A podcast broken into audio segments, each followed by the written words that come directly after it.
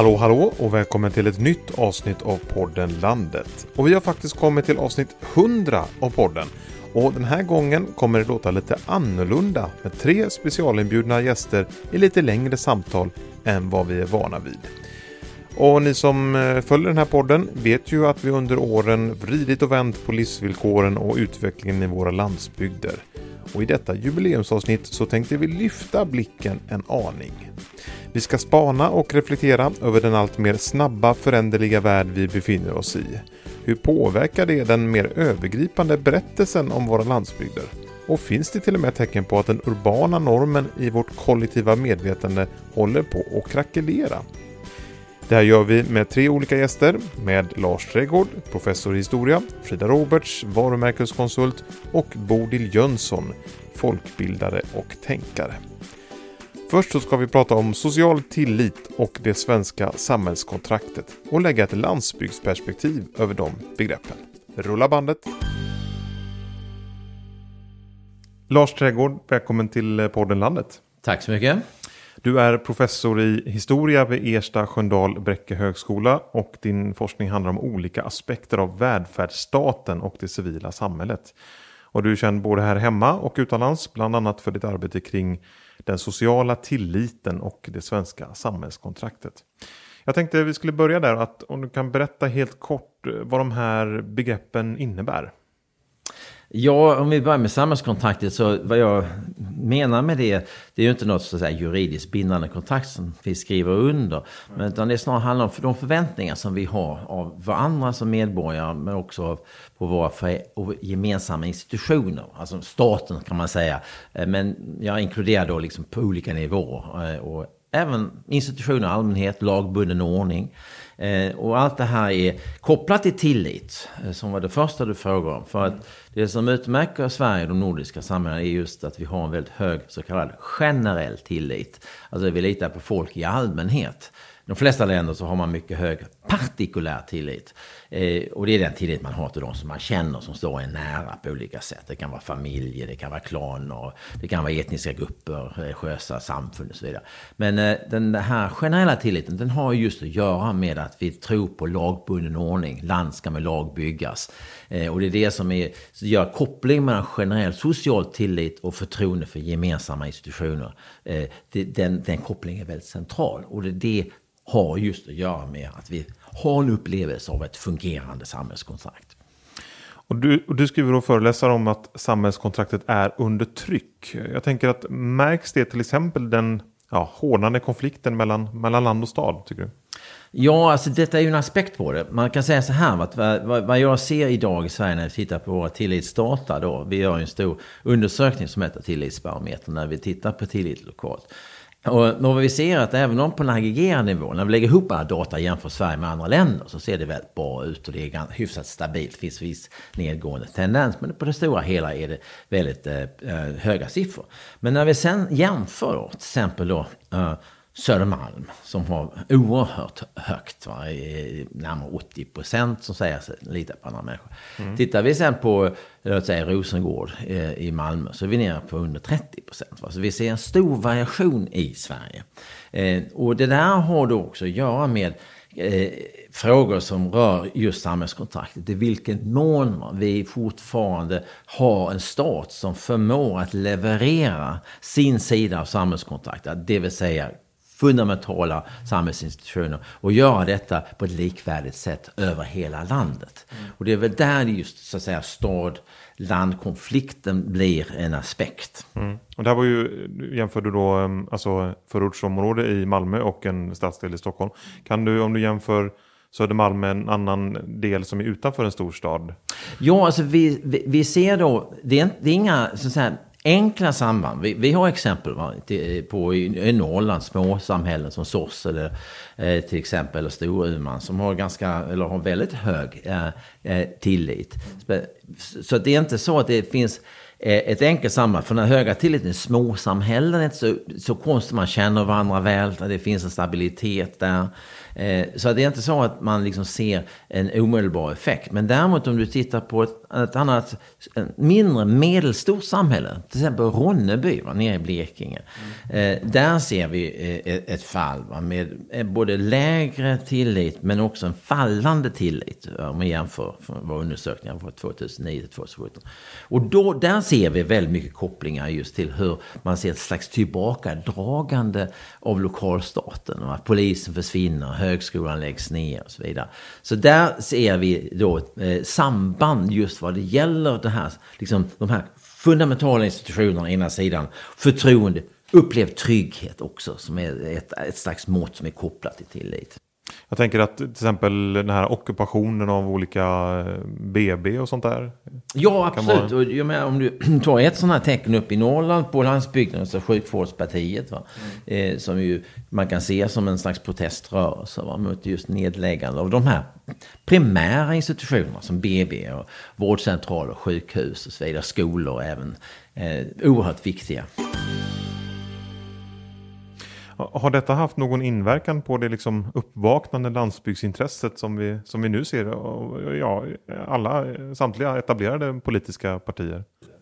Ja, absolut. Alltså jag tror vi har gått från, om vi, om vi ser från början 90-talet i Sverige, mm. så ser vi en förändring där, där man så att har gått ifrån att se um, det som en slags självklar kollektiv social rättighet. Att man i varje svensk kommun och varje svensk samhälle ha vissa institutioner. Alltså liksom det fanns en förväntan att det skulle finnas en skola, en vårdcentral, ett apotek, en affär, en bensinmack och så vidare överallt. Det här liksom var någonting som inte handlade bara om marknadskrafter, va? utan det handlade om att vi som medborgare i Sverige skulle kunna förvänta oss att ha en viss standard överallt i hela landet. Men sen har vi då sett så att säga, en, en, en, en våg av reformer som har så att säga, premierat mer, kan vi kalla för marknadslogiker helt enkelt. Och då, där det liksom, logiken då blir att har du inte liksom tillräckligt mycket eh, underlag helt enkelt för vissa typer av, av institutioner på en plats. Va? Ja, då lägger man ner helt enkelt. Ja, då får man väl ta en taxi en 30 mil någonstans för att kunna komma till det BB eller vad det nu är. Va? Eh, och det är klart folk blir förbannade över sånt. Va? De upplever liksom att eh, eh, de, de liksom resurser som finns tillgängliga i Stockholm inte finns tillgängliga på samma sätt va, på landet. Och vi ser även spänningar med, så att säga, mer lokalt. Va? Om, du tittar till exempel Piteå som en hyfsat väl fungerande eh stad uppe i Norrland. Men om du liksom flyttar, bara tittar på bara ett antal mil ut på landet i närheten av Piteå så ser vi så att säga, en, en annan bild. Så de här spänningarna lag, stand, stad, land ser vi inte bara liksom mellan Stockholm och övriga Sverige utan vi ser det även mellan eh, städer och landsbygd eh, utanför Stockholm.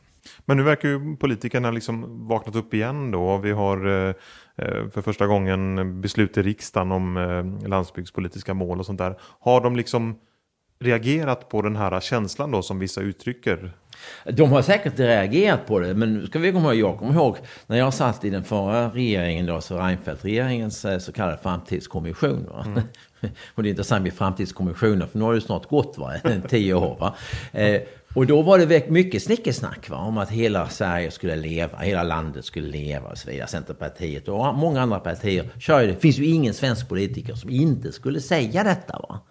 Eh, men eh, tendenserna har ju inte precis varit eh, att stärka utan snarare ser vi en mycket mer akut upplevelse av att detta inte funkar idag. Så att jag tar ju alla politikers uttalanden i de här frågorna med en stor nypa salt. Va? Eh, eh, eh, det, det, tycks liksom vara så. Det är samma sak som vi har haft den här tillitsdelegationen där man då pratar vitt och brett nu. Nu ska vi liksom röra oss från New Public Management som är en del av den här marknadslogiken. Eh, och vi ska liksom hitta tillbaks va, till, till ett, ett, samhälle som bygger mer på tillit och där man har liknande, så kan förvänta sig liknande till tillgångar till resurser överallt i hela landet. Eh, jag, jag liksom eh, ställer mig lite frågande va, till, till detta. Eh, the proof is in the pudding som man säger i England. Va? Vi, vi får se va, eh, vad som sker. Men just nu är det mest tal och språk. Va? Det, är, det är väldigt lite verkstad. Eh, så vi, vi får som sagt se. Eh, men, men kan det vara liksom att politikerna känner sig piskade att återupprätta tilliten och kontraktet med människor i, i landsbygderna? Ja, det är en möjlighet, va? men vi måste ju också förstå att, att, att eh, om vi tittar bara på antal röster va? så är det ju faktiskt så att, att eh, eh, den bistra sanningen är att de människorna som bor i de här områdena, som då vi kan kalla för utsatta områden, va? för att använda den, den diskursen, de representerar ju liksom inte eh, majoritet av den svenska befolkningen. Så vill du vinna val eh, så är det klart att du kommer också vilja tillfredsställa de som bor i Stockholm och Göteborg och i Malmö och så vidare. Som idag har eh, avsevärda problem av en annan typ. Alltså om vi ser på vad som sker i förorter och så vidare. Så att det är liksom inte någon självklarhet va? Att, att det här fagra talet om att hela landet ska leva kommer att översätta rent så att säga pengamässigt. Va? Det, det är det jag bara menar vi får se. Jag vill inte misstro politikerna. Det kanske är så att det kommer bli jättefint. Va? Men, men jag, jag avvaktar lite grann. Om det nu är så då att det är en ny vurm här från politikerna. Är det i så fall tillräckligt med en, med en ny nationell landsbygdspolitik? Ja, alltså det, det, är väl, men polit, politiken är ju givetvis viktig. Um, jag har själv hållit på med ett projekt eh, som, som rör Hälsingland, som, som, eh, där man pratar lite grann om en ny grön våg. Eh, Hälsingland hade ju en grön våg på 70-talet när folk lämnade Stockholm. Och då, då var man drivna just av eh, en tanke om att man kanske kan leva ett bättre liv, va? som är mer liksom, klimatanpassat, eh, som är mer hållbart, va? mindre drivet av ständig konsumtion och så vidare. Och det, då har vi ju en slags intressant potentiell Greta-effekt. Och vi har ett medvetande på ett sätt som egentligen är mycket mer akut än vad det var på 70-talet om att någonting måste göras. Och, och, frågan är då liksom om du har en kombination va, av krafter underifrån, va, från medborgare va, som vill så att säga satsa på en annan livsstil. Å andra sidan va, är, är, är, en politisk vilja att, att göra detta möjligt. Det här är ju en podd som Landsbygdsnätverket står bakom och, och kort kan man säga att, eh, de, att vi jobbar med mycket i nätverk med så kallade jämbördiga partnerskap mellan välfärdsstaten och det civila samhället. Kan det, den sort, alltså jobba på det sättet, kan det vara en möjlighet att återupprätta tilliten och samhällskontraktet? Jag tror absolut att civilsamhället kan spela eh, en viktig roll och då tror jag framför allt va, de typer av organisationer eh, som är så att säga har en koppling just till de lokala eh, samhällena. Va? Alltså, så att jag menar, föreningar som till exempel hembygdsföreningar, hyresrättsföreningar, eh, bostadsrättsföreningar. Eh, eh, eh, de typerna av föreningar va, som så att säga har som en primär identitet Eh, det, det, lokala samhället kan vara väldigt, väldigt viktiga eh, för att värna om det lokala. Eh, för att agera som en plattform för medborgarna, för det medborgerliga engagemanget. För som jag sa till dig tidigare så tror jag ingenting kommer hända om inte vi som medborgare agerar. Politikerna kommer liksom, de gör ingenting om inte det finns ett tryck mm. underifrån. Och just hur vi gör det organisatoriskt är ju då en avgörande fråga. Och jag tror just de här organisationerna i civilsamhället, eh, som speciellt om de får liksom folkrörelsekaraktär, eh, så kan de vara väldigt, väldigt viktiga i det här arbetet. Och de här civilsamhälleliga organisationerna och föreningarna som du nämnde, kan de liksom Eh, alltså, eh, ersätta myndighetsnärvaron på något sätt? Eller gör de det idag kanske? Alltså, jag är tveksam där. Va? Alltså, jag, jag tror, jag, alltså, det, fin, alltså, det finns ju mycket prat om detta. Va? Och det finns en slags överinvestering tror jag ibland. Va? Både från myndigheterna och offentlighetens sida och från civilsamhällesorganisationernas egen sida. Va? Eh, Var, hur mycket de kan göra. Alltså, det, det finns en liten romantik kring detta. Eh, och där tror jag man ska vara väldigt försiktig. Va? Jag tror Sverige har vi haft en historisk tradition av att eh, folkrörelserna framförallt har haft en röstfunktion va? för att se till att hävda va? Eh, eh, det här intresset va, som, som gäller liksom alla svenska medborgare runt om i landet. Eh, och man har varit ofta väldigt duktig på att identifiera problem, initiera kreativa lösningar. Men sen för att det här ska bli likvärdigt runt om i landet så måste det skalas upp. Och det mäktar aldrig civilsamhället med självt. Va? Utan då måste man så att säga ha ett partnerskap med det offentliga. Så att liksom för mig det primära liksom i civilsamhället kan vara, du vet, det kan vara, eh, handla om sociala entreprenörer va, som är aktiva. De förstår de lokala förutsättningarna. De kan identifiera problemen. De kan komma med lösningsförslag. Men sen måste de framförallt agera politiskt. Va. Eh, för det måste vara ett partnerskap. Det är det som är nyckeln va, till varför de nordiska samhällena har varit så framgångsrika som de har varit. Va. Eh, när man ibland pratar om civilsamhället ska kunna ersätta eh, det, det, det, offentliga, va, då är man ute på en väldigt farlig mark. Va. För då, då kan det lätt bli ett argument att, så att säga, säga nej men då behöver vi kanske inte de här myndigheterna. Vi kanske inte behöver liksom, lokalstaten. Va. Och det, det, tror jag, det finns inga empiriska belägg för att i någonstans i världen civilsamhället kan så att säga, ersätta Jag tänkte vi skulle fortsätta prata om den urbana normen som vi har nuddat lite vid. Att stadens normer liksom har företräde. Hur, hur påverkar den urbana normen tilliten och samhällskontraktet? Um, ja, du, jag vet inte, jag har inte riktigt ställt frågan på det sättet. Um, alltså, jag tror att uh, den urbana normen tror jag framförallt tenderar att liksom ha effekten att det, det så att säga försätter liksom de, de som lever i det, det, på landsbygden, i det, det rurala så att säga, de, de liksom hamnar lite grann då vid sidan av en, av en diskussion. Va? Och vad effekten kan bli är ju möjligtvis den att man då på landsbygden kanske börjar tappa förtroendet för eh, samhället i stort. Va? Om man börjar känna att man lever på undantag. Eh, men rurala normerna är, en liten annan sak. Och det är, jag tycker det är en jätteintressant fråga som du ställer. Va? Alltså, för det handlar ju liksom om att när man bor i, en stor stad så tar man det för givet att du inte liksom har något som helst ansvar egentligen för din egen närmiljö. Du, du odlar inte någon mat. Va? Du lever liksom i ett, i ett marknadssamhälle liksom fullt ut eh, som är väldigt konsumtionsorienterat på olika sätt och vis. Och det är klart att då har du inte närkontakt på det sättet va? med precis den här typen av värdering som vi nu pratar vitt och brett om. Va? Alltså i, i termer av, av klimatförändringar och så vidare. Och där tror jag liksom att den, den urbana normen är liksom destruktiv, inte bara i termer av tillit, men kanske destruktiv i termer av liksom hela vår framtid på planeten, om man säger så. Va? Och, och, och där, där kan man ju liksom då tycka att, att vi skulle må bra av, av att öppna upp upp för eh, en diskussion där vi liksom kanske knyter upp lite grann mot den typen av så att säga, gröna vågen idéer som, som ändå fanns i Sverige på, på 70-talet. Och, och eh, fundera på, kan man modernisera detta? Alltså, kan, man, kan man finna på något sätt en intressant dialog mellan det urbana och det rurala? Eh, det tror jag skulle kunna vara jättespännande. Man kanske ska börja prata om den rurala normen lite mer då än den urbana på något sätt. Absolut, va? Ja. ja precis. Och det, och det är där som jag, om man ska vara lite optimistisk här, va, så kan man ju säga att någonstans känns det som att vi befinner oss just nu i, i ett läge, va? inte bara i Sverige men runt om i världen, där vi å ena sidan vet att vi, vi, vi har en enormt stark demografisk trend, va? där folk flyttar från landet till staden. Samtidigt har vi också en ökande insikt om att just detta är ju förknippat va, med massa trender som är djupt problematiska i klimatperspektiv. Om staden och landet skulle bli helt jämbördiga, skulle det öka tilliten hos oss människor då tror du? Ja, alltså, jag tror att, som jag sagt tidigare, jag tror att eh, om, om det finns en upplevd eh, känsla i, i hela landet att oavsett var du bor så kan du räkna med att, så att säga, samhällskontraktet funkar.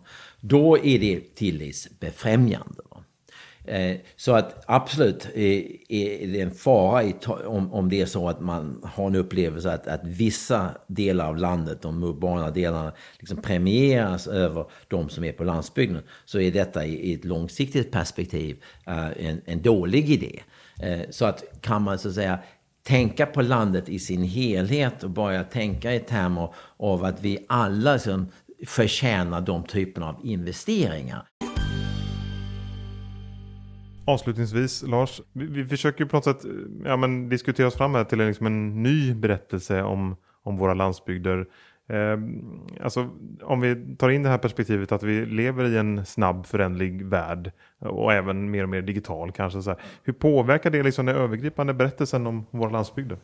Ja, alltså jag, tror, jag, jag, jag tror det är en väldigt bra fråga. Va? För jag tror att om, man, om, man liksom, om vi ska ha något hopp va, för landsbygden så måste det bli liksom inte en, en nostalgisk resa tillbaka till det förflutna. Utan det, det måste bli någonting som ligger i samklang mm. med det folk faktiskt eh, vill ha idag. Och, och det är väl som är tycker jag är spännande är ju att se hur mycket av den här nya liksom, digitala eh, tekniken va, gör det ju faktiskt lättare va, att bo på landet än vad det var tidigare. Man är mindre isolerad helt enkelt. Va. Du, kan, du, du kan behålla liksom, en expansiv sällskaplighet va, även när du bor på landet. Du, du liksom ger inte upp alla dina relationer till de du lämnade i storstaden.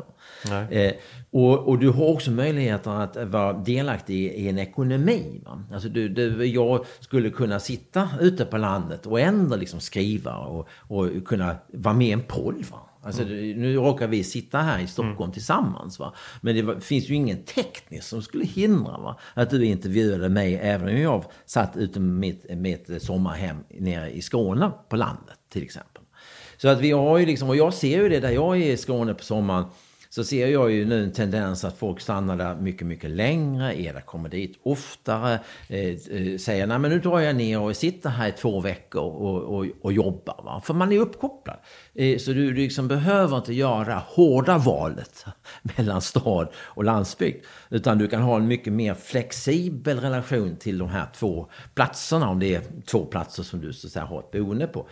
Och, och, det där tror jag man liksom då kan ut, utveckla ytterligare. Och då är vi tillbaka till vad politiken kan göra. Om politiken också samtidigt kan se till att, så att säga, eh, garantera så att det finns vissa typer av resurser även liksom runt om i landet. Eh, så kan man börja liksom sprida kanske befolkningen på ett annat sätt.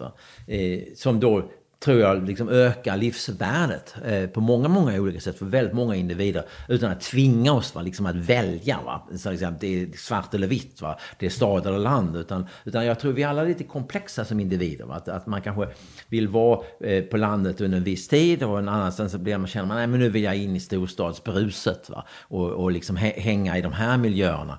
Och sen så efter ett tag blir man trött på det. Så nej, nu vill jag tillbaka ut på landet. Det är väl lite det som jag skulle se som de optimala framtiden. Inte, inte liksom att vi tvingar alla in i en grön våg ut på landet, men att vi skapar en möjlighet va, liksom för, för, för en mer komplext liv vad det gäller relationen stad-land. Lars Trädgård, tack så hemskt mycket för att du kom till podden Landet. Tack så mycket.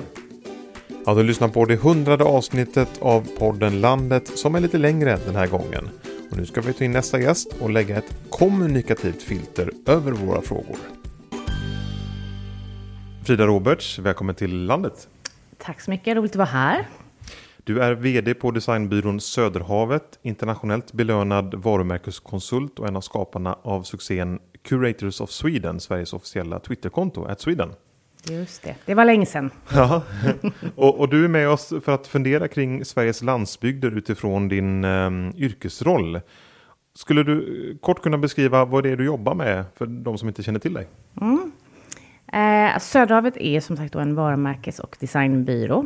Eh, och vi skapar affärsvärde för våra kunder genom kreativa lösningar. Som kreativa lösningar på deras affärsutmaningar. Och rent konkret skulle det kunna vara att vi eh, vidareutvecklar eller tar fram en ny visuell varumärkesidentitet. Eh, som vi bland annat har gjort för Sverige, mm. om du inte kände till det. Som vi är väldigt stolta för. Det gjorde vi 2013 och nu är vi full gång med att eh, ja, vidareutveckla den. Mm. Och i, i podden Landet så har vi tidigare pratat om platsmarknadsföring och det jobbar du också med va? Ja, alltså det är ju en del. Alltså det som jag gjorde tidigare när jag jobbade på Svenska institutet under åtta år, det är ju det som vi kallar offentlig diplomati eh, och lite slarvigt nation branding. Mm. Och då är det ju landet som plats. Eh, som det har lite, lite annan eh, man jobbar på ett litet annat sätt då naturligtvis än när man jobbar med mer avgränsade platser. Men det finns många likheter. Och du som jobbar med att bygga varumärken och marknadsföra platser. Hur framstår Sveriges landsbygder? Eh, jag skulle säga att, att eh, menar, vi har, är väldigt, väldigt stolta över Sveriges landsbygder och att, det är, att vi har som fri tillgång. Allemansrätten är unik i världen. Eh, väldigt uppskattat och det är lugn och den access man får som eh, besökare i Sverige. Det är, det är faktiskt rätt unikt ur ett internationellt perspektiv. Och access är att man kan gå ut i skogen var som helst i princip? Ja, eller? jag, menar, jag, jag, vet någon gång jag var och rest runt i Sydafrika och vi stannade bilen och vi stannade bilen. Och vi, stannade, vi, kom inte, vi kom liksom inte på staket överallt. Mm. Så det är någonting fantastiskt, tillgängligheten i Sverige. Sen är det ju vansinnigt vackert. Men nu talar jag egen sak såklart. Mm. I den här podden så brukar vi tala om att det finns flera olika landsbygder. Inte bara en landsbygd. Tycker du att det finns en bild eller måste man prata om flera bilder här? Jag kan tycka att det är lite förminskande att prata om, om landsbygden som, nästan som en geografisk plats. Alltså varje, eh, menar, landsbygden utanför Båstad är, är, unik på sitt sätt versus landsbygden utanför Falun är unik på sitt sätt. Mm. Däremot tycker jag man kan prata mer så konceptuellt om så här storstan versus landsbygden och, och, och, vad förknippar vi med det? Då, då kan det vara relevant. Mm. Men, men annars kan jag tycka att det är nästan lite förminskande. Och, och konceptuellt, vad, vad, är det för liksom bild eh, man ska leverera då tycker du? Nej, men jag tror att eh, det till och med just nu finns en öppning för alla eh, alla som jobbar just med landsbygdsutveckling och marknadsföring att tagga in i den här liksom längtan efter någonting annat. Vad, vad ser vi nu i många storstäder? Ja, det är en full-on urbanisering och eh, inflyttning. Eh, men det är också mycket press, högt tempo, svårt att få bostäder. Ja, men ganska tuffa förutsättningar. Eh, mycket utbrändhet och annat. Och liksom i det perspektivet så är det ju eh, det här att möjligheten att flytta ut på landet och ha ett hållbart liv som man skapar själv, nära natur, djur, eh, där man inte är anonym kanske i ett mindre sammanhang. Alltså det finns, det finns mycket som jag tror kan vara lockande för väldigt många, inklusive mm. mig, jag själv. Mm. Mm. Eh, och, och, det här då att det finns olika bilder då, om man inte tänker på det konceptuellt, alltså hur förhåller man sig till det som marknadsförare? Nej, men jag tänker att du måste titta på varje plats och titta på vad är det som är unikt just där, vilka värden, vilka tillgångar. Eh, engagera människorna på platsen för att lyfta det man är stolt över, historien också, det här vart vill man, det visionära och det framåtlutade är också jätteviktigt. Mm. Så att man jobbar både inåt och, och utåt. Och eh, vi har också pratat mycket i den här podden om eh, att det finns en urban norm. Liksom att storstan har ett tolkningsföreträde, att man utgår från, från den stora staden. Tycker du att det finns en urban norm idag? Jag skulle vilja säga att det är så. Eh, om man lyssnar på hur politiker uttrycker sig, journalister, vi, gemene man. Eh, och det kanske inte är så konstigt. Jag menar, merparten av svenskarna bor ju i storstan. Mm. Eh, men vill vi att det ska vara så? Jag tror att det är farligt när man inte reflekterar kring så här, men eh, hur påverkar det samhällsutveckling och hur vi ser på människor och vart vi är på väg. Så att, att ta ett litet steg tillbaka och fundera kring effekterna av att staden är ofta normen i olika diskussioner. Mm. Det tror jag är värt att, att fundera lite kring.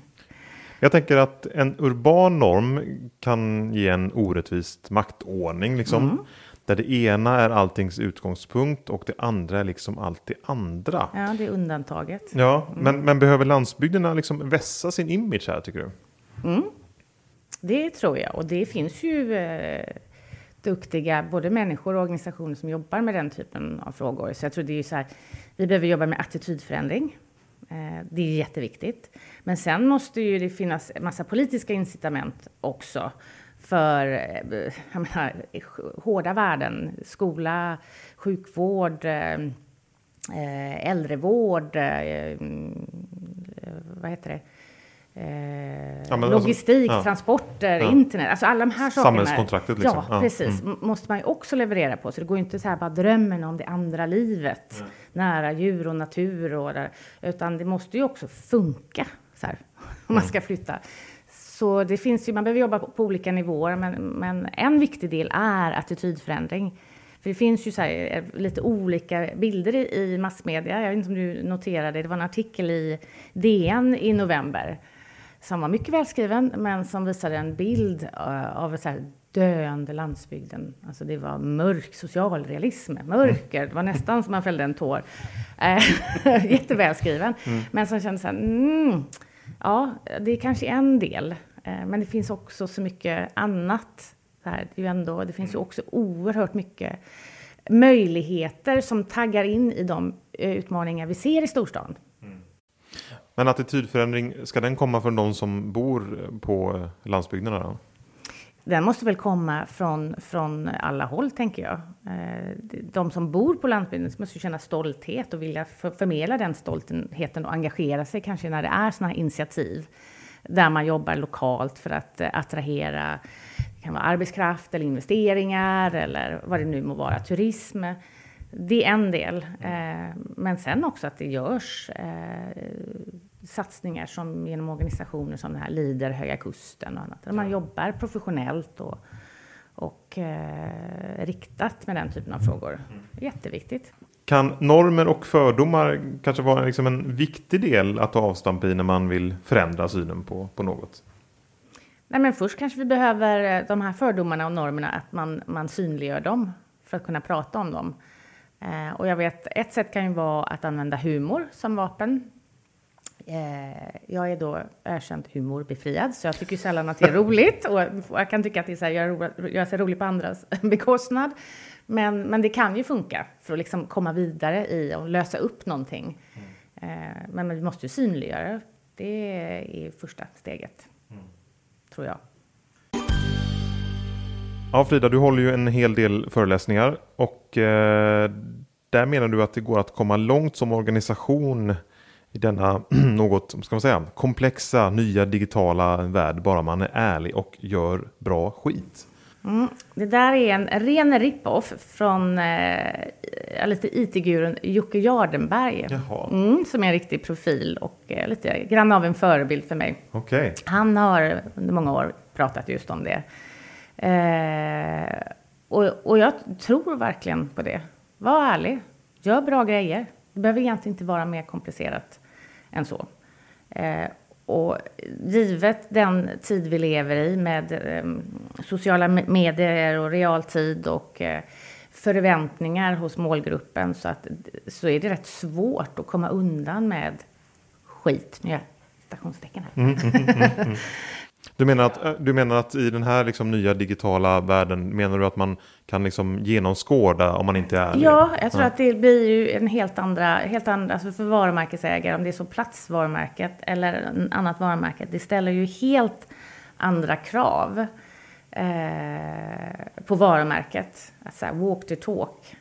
Så här, och det är liksom i alla möten mellan då varumärket och eh, målgruppen. Det går liksom inte att slira på, på lite här och lite där. Utan, utan det är, och, och, och så här, trovärdighet och tillit, det är ju hårdvaluta. Här, och den mm. vill man inte skada. Och, och, eh, att man är ärlig och göra bra skit, kan man eh, eh, alltså applicera det när det gäller synen, att ändra synen på Sveriges landsbygder? Jag tänker att man kan applicera det på egentligen allt. Som individ, som organisation, som företag, som kommun. Eh, ja, men, eh, jag tror att vi skulle leva en bättre värld om vi alla tänkte så lite mer.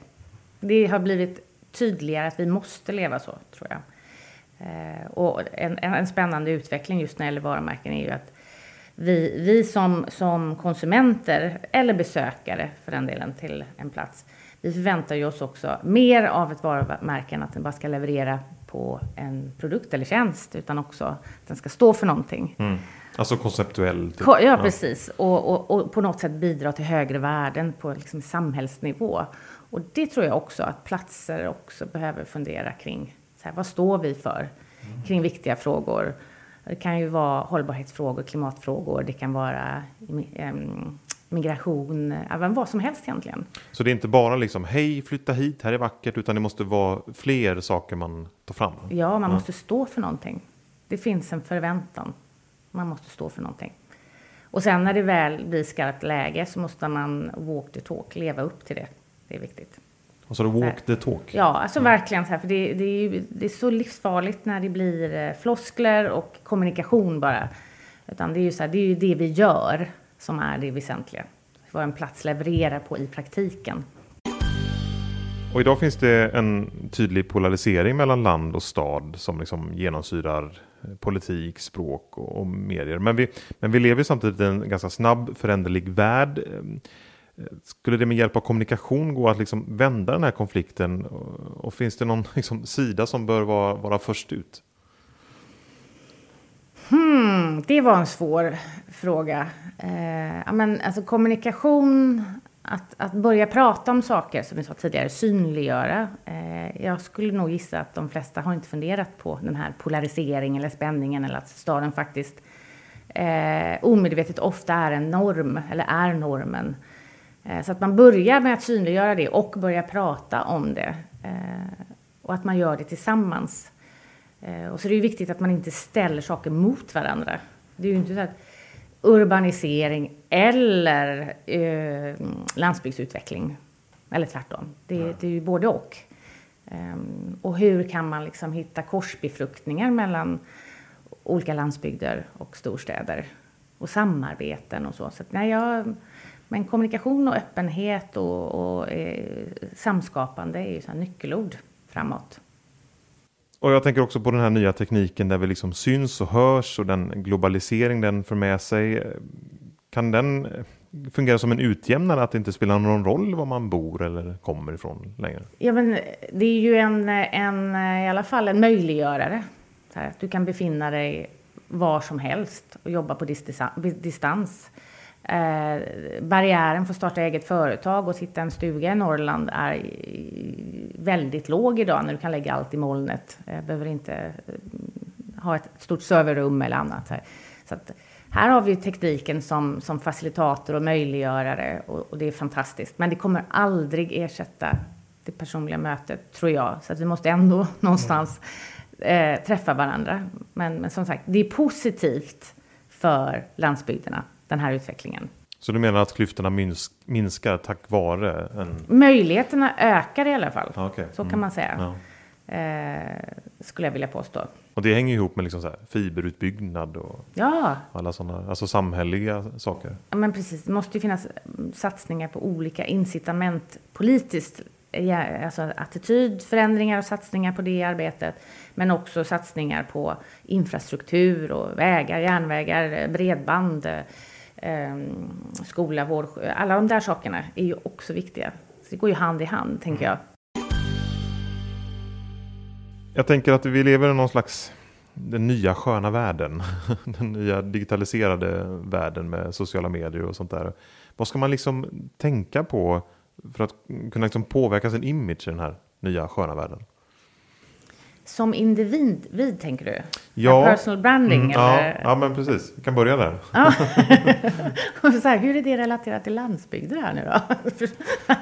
vi kan ta organisationer på landsbygden. Jag är lite nyfiken på individen. Ja, eh, ja, om man tänker sig då att vi ser att gig-ekonomin ökar, vilket eh, också möjliggör då människor, för människor att jobba på distans och från landsbygder. Ehm, så blir det ju då viktigare såklart att, att när du inte har en organisation som marknadsför dig och dina tjänster, då är det ju du som individ och expert som ska göra det.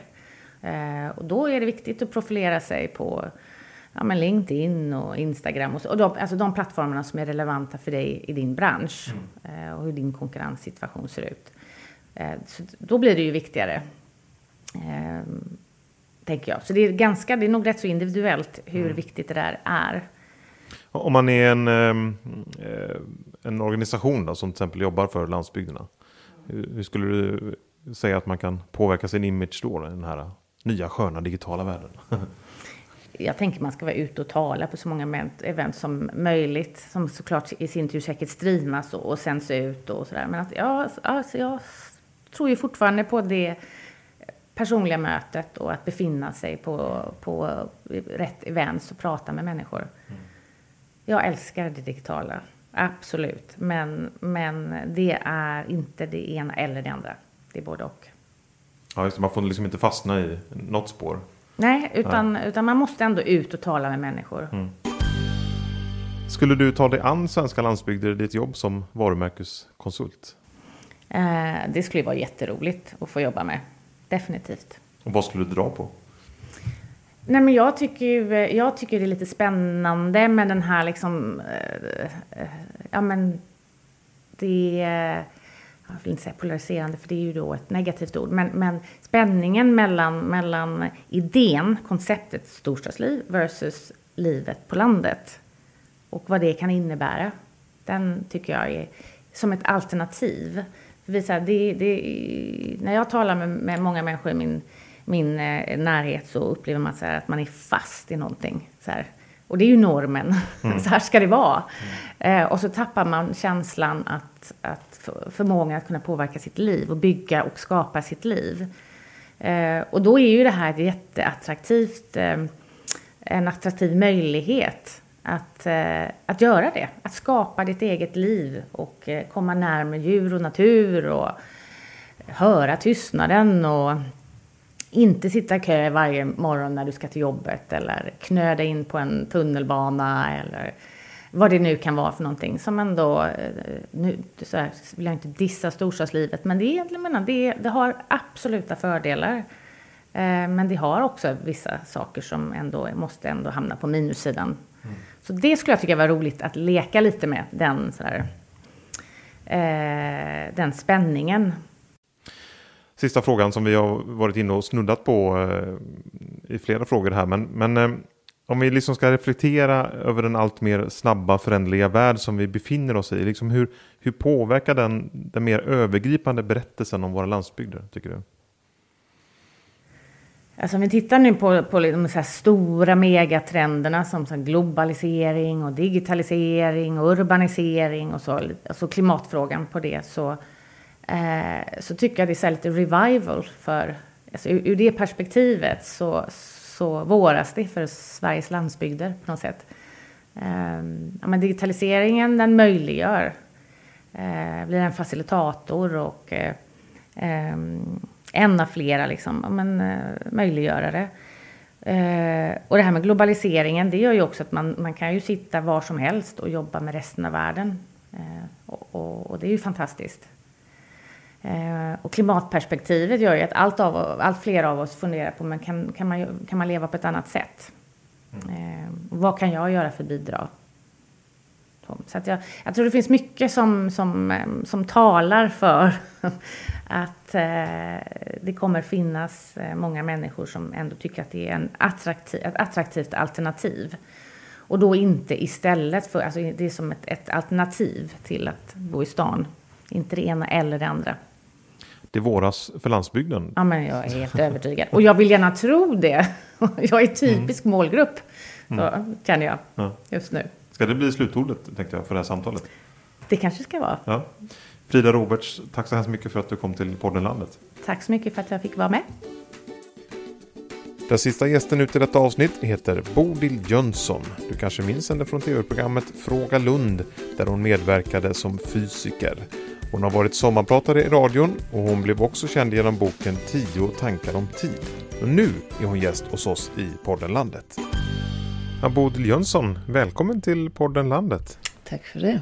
Och vi har ju tidigare vänt och vridit på begreppen svenska landsbygder och eh, många upplever en tydlig polarisering.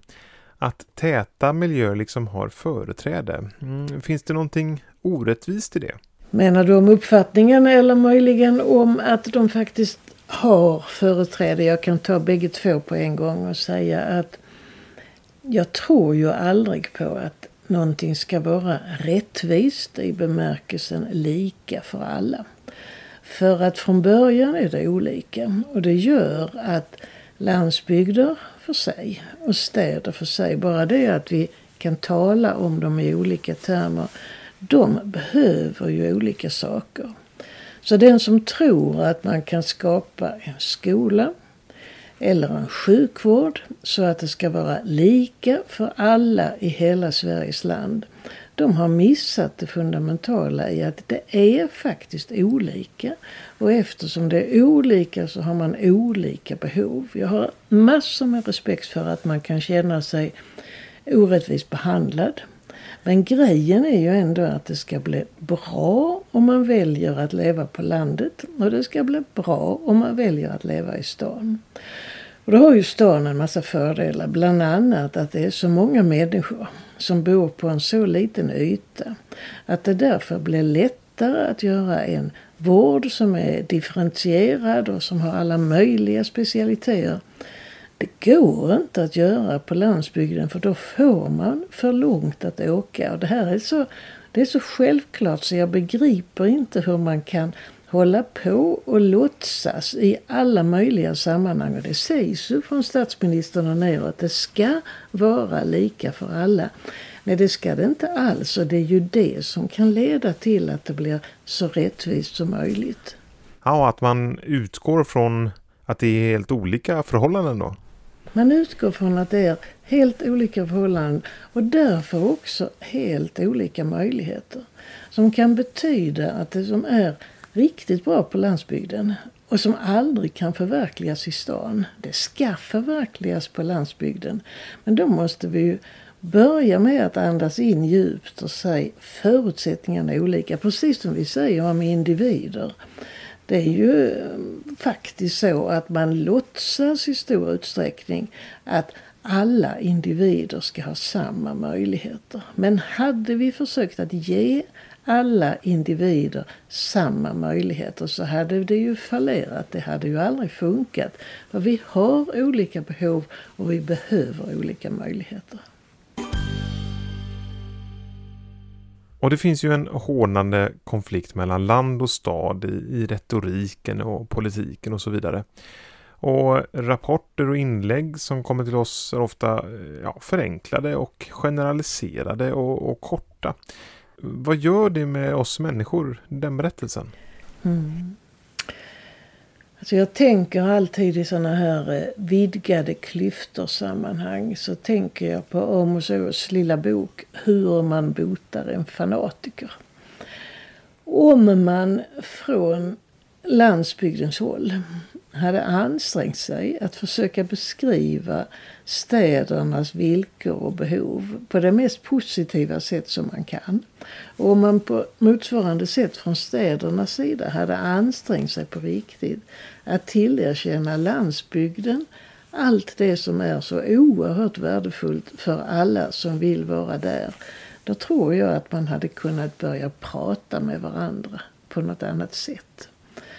Eh, och det, det mesta av det som man specificeras som klyftor och motsättningar, det har ju väldigt gamla ursprung. Det handlar om den tiden då staden var som jord för att vara dit man åkte för att köpa och sälja. Och landsbygden var som jord för att producera. Och det är ju evigheter sedan det var så. Det som är på väg att hända är ju att städernas handel är på väg att gå ner. Och landsbygdens möjligheter att bara vara det produktiva vad gäller varor är ju också på väg att gå ner eftersom det mycket väl kan bli så att man har kallade fabriker i stan där man producerar det som vi förr såg som livsmedel och som måste produceras på åkrarna. Så att där är så mycket ändå som kommer att omstöpas de närmsta ska vi säga, tio åren. Så jag tycker att man skulle kunna skaka på sig och så säga om vi nu ändå måste tänka om så mycket kan vi då inte gå liksom forward to basics och börja se vad är det som gör att somliga människor vill leva i stan. Med det fantastiska utbudet och den fantastiska upplevda närheten till så många andra människor. Och vad är det som gör att somliga vill finnas på landsbygden? Och jag tänker på eh, tekniken, digitaliseringen. Om vi tittar lite framåt, kommer den bli en utjämnare? Alltså den kan garanterat bli det, men nu är det ju alltid så med teknik att det har ju möjligheter och baksidor. Och sen har tekniken också sin inneboende evolution. Att i någon bemärkelse så kan man föreställa sig framåt vart tekniken kommer att leda oss och hur den kommer att leda oss.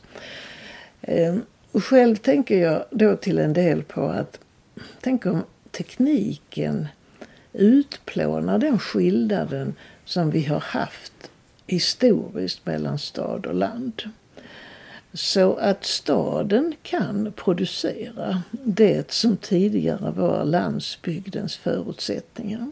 Då kan det kännas som att nu kommer orättvisan att öka ännu mer. Nu har landsbygden inte ens den fördelen att det är på landet som man producerar eh, vete, havre, korn med mera. Det är där som man också har en djurhållning som gör att det kan bli vegetabilier och det kan bli kött och det kan bli mjölk och det kan bli allt vad vi kan framställa idag på landet. Men tekniken är ju på väg att producera livsmedel på helt andra sätt. Och när man gör det så kommer man kanske inte att behöva åkrarna till att odla på. Utan då finns det plötsligt väldigt stora ytor där människor kan röra sig. Och redan det är ju en landsbygdsfördel sedan länge. Att det finns någonting i öppna landskap som människor blir glada av. De kan bli lugna av det. Där finns också skogen. Och skogen har ju blivit och är en fantastisk rekreationskälla. Japanerna har ju satt skogsbad i funktion som en rehabiliteringsform. Eh, och vi kan bli nog bli lite överraskade. Jag vill hela tiden återvända till människan och säga detta handlar om olika människors behov av olika former av tillvaro. En del av oss är väldigt introverta. Och introverta människor behöver inte den ständiga samvaron med väldigt många andra människor. Det finns ingen det finns ingen, garanterat ingen rasism, det finns ingen människoåtskillnad. Det finns bara det där att erkänna att graden av närhet för den ena och den andra fyller olika funktioner. Och i eh, landsbygdssammanhang så pratas det ofta om den urbana normen. Att staden är referenspunkt och landsbygden är det andra. Eh, vad säger det liksom om vår samtid och håller den normen på att krackelera? Man kan börja se på människoströmmar. Så kan man se att städerna drar ju fortfarande många människor till sig. De gör det världen över. Existerande städer tenderar att bli större och större. Och det liknar ju lite den gamla förhoppningen om att i staden där det är många omkring en så är möjligheterna väldigt mycket större. Om man kan se på tillväxten av Stockholm och Göteborg till exempel så ser man att de verkar till att ha trumf på hand. Och det är klart att om vi tänker makro på politiken, om den ska fördela resurser lika så måste den fördela mer resurser till de ställen där det bor fler människor. Och då kommer man till sånt som vi säger höghastighetstågen. Stockholm, Göteborg, Malmö. Det kan man ju parodiera så som Robert Nyberg har gjort genom att sätta en skylt framför där det står Välkommen till bostadsbristen. För att det är bevisligen svårt att få någonstans att bo i, bägge dessa, i alla dessa tre städerna. Eh, men behovet av utbyte mellan människor är ju annorlunda i en storstad och mellan storstäder än vad det är i övrigt. Så jag återkommer till det att man måste, man måste se på detta inte på det här sättet att det ska vara lika för alla utan det ska vara olika för alla. Ibland tänker jag på att jag uppfostrade faktiskt mina tre barn på det sättet. När de klagade på att det inte var rättvist så brukade jag säga alltså det måste faktiskt vara orättvist annars kan det inte jämna ut sig. Eh, och man kan tänka vad man vill om den logiken men jag vill nog hävda att jag, det var inte bara som jag sa utan jag tror faktiskt på detta. Att vi mår väldigt väl av att se efter. Eh, och inte förblindas av likheten, likheten, likheten. Att det inte kan vara, alltså att likheten och rättvisan inte, att, att man kan inte se det på ett så enkelt sätt, eller? Nej, och då kan man ju börja ifrågasätta naturligtvis med viss rätt hela nationsbegreppet.